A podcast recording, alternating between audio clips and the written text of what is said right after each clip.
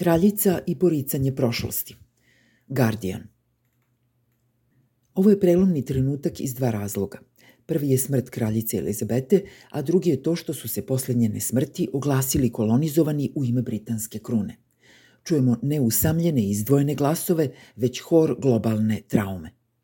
Pripremala sam se za ovaj događaj kao period kada neću moći da govorim ono što mislim – Ne znam šta zapravo osjećam zbog smrti kraljice Elizabete, jedinog britanskog monarha u mom životu, jer su mi poštovanje i divljenje prema njoj oduvek usađivani kao obavezni sastav, bez alternative.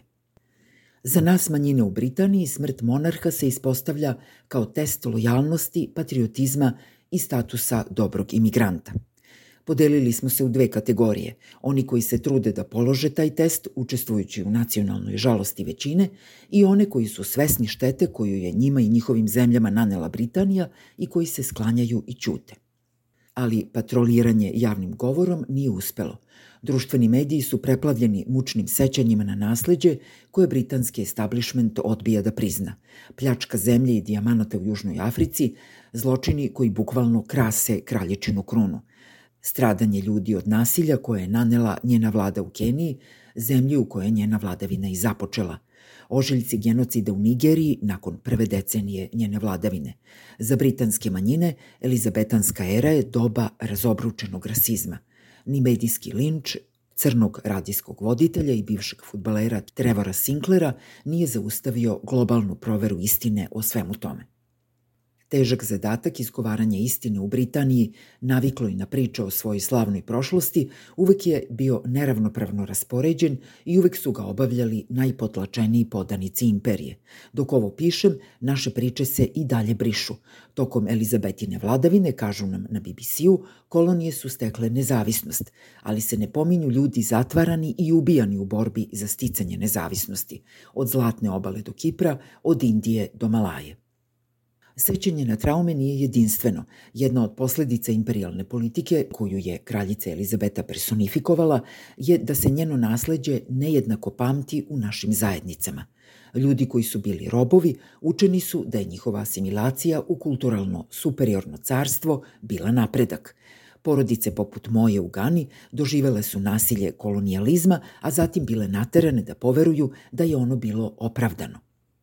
Nikada neću zaboraviti posetu luku nezavisnosti u Gani, prvoj zemlji u Africi koja se oslobodila stega Britanske imperije. Prošla sam kroz lučnu kapiju koja simbolizuje ulazak u slobodu sa crnom zvezdom na vrhu. S druge strane me je dočekala realnost. Na spomen ploči je pisalo da je ta sloboda posvećena kraljici Elizabeti II. Bila je to lekcija da ni u našoj slobodi mi nismo slobodni. Od nas se očekuje da budemo zahvalni zato što smo bili kolonizovani. Od žrtava rasizma se očekuje da dokažu da rasizam postoji. Dok crni Britanci umiru od državnog terora kao nenaoružani Chris Kaba, vesti o protestima crne zajednice zbog toga prigušene su pričom o pripremama za kralječinu sahranu. U meri u kojoj se uopšte priznaje da su crni životi važni, sada za to svakako nije dobar trenutak. Saosećam sa svima koji oplakuju kraljičin odlazak. Dugi kontinuitet njene vladavine mnogima je bio snažan oslonac i sada su uznemireni i nesigurni. Bliska mi je ta anksioznost. Britanska imperija je po svojim kolonijama iscrtavala nove granice i ukidala vekovne tradicije. Naši preci su regrutovani za dobrobit Britanije iz razloga i pod uslovima koje moja generacija još uvek pokušava da shvati. Mi dobro poznajemo osjećaj prekida kulturalnog kontinuiteta. Mnogi u Britaniji su uživali na naš račun. Ako je kontinuitet abstraktna tema, evo nekih konkretnih zamki kraljevske simbolike. Prošle nedelje u pompeznom nekrologu ekonomista istaknuto da kraljica potiče iz dobre hanoverske loze. Ako vam ovo liči na propagiranje bele supremacije, u pravu ste. Kada me budu kritikovali zbog ovog teksta, jedna od optužbi će biti da nije trebalo da govorim o rasi kada je u pitanju klasna eksploatacija. To nas vodi do drugog stuba rojalističke ideologije. Kraljica je bila oličenje klasnog sistema. Njena uloga, kao i uloga kralja koji je nasleđuje, jeste da sedi na vrhu tog klasnog sistema u hijerarhiji koju je odobrio sam Bog. U nekim slučajevima to je teško razlikovati od pomisli da je ona sama bila Bog. Autorima britanskih tabloida za sada se ukazala u dugi i u oblaku. Do nekih promena je došlo, ali rasni i klasni sistem koji oblikuje naše sudbine ostao je isti. Genijalnost naše monarhije je u tome što ona ljude kojima bi demontaža tog sistema najviše koristila pretvara u strastvene podanike krune. Ako bih sve to ostavila po strani, možda bih mogla da oplakujem kraljicu, vrednu staricu koja je bila simbol moje zemlje, čitavog mog i života mojih roditelja.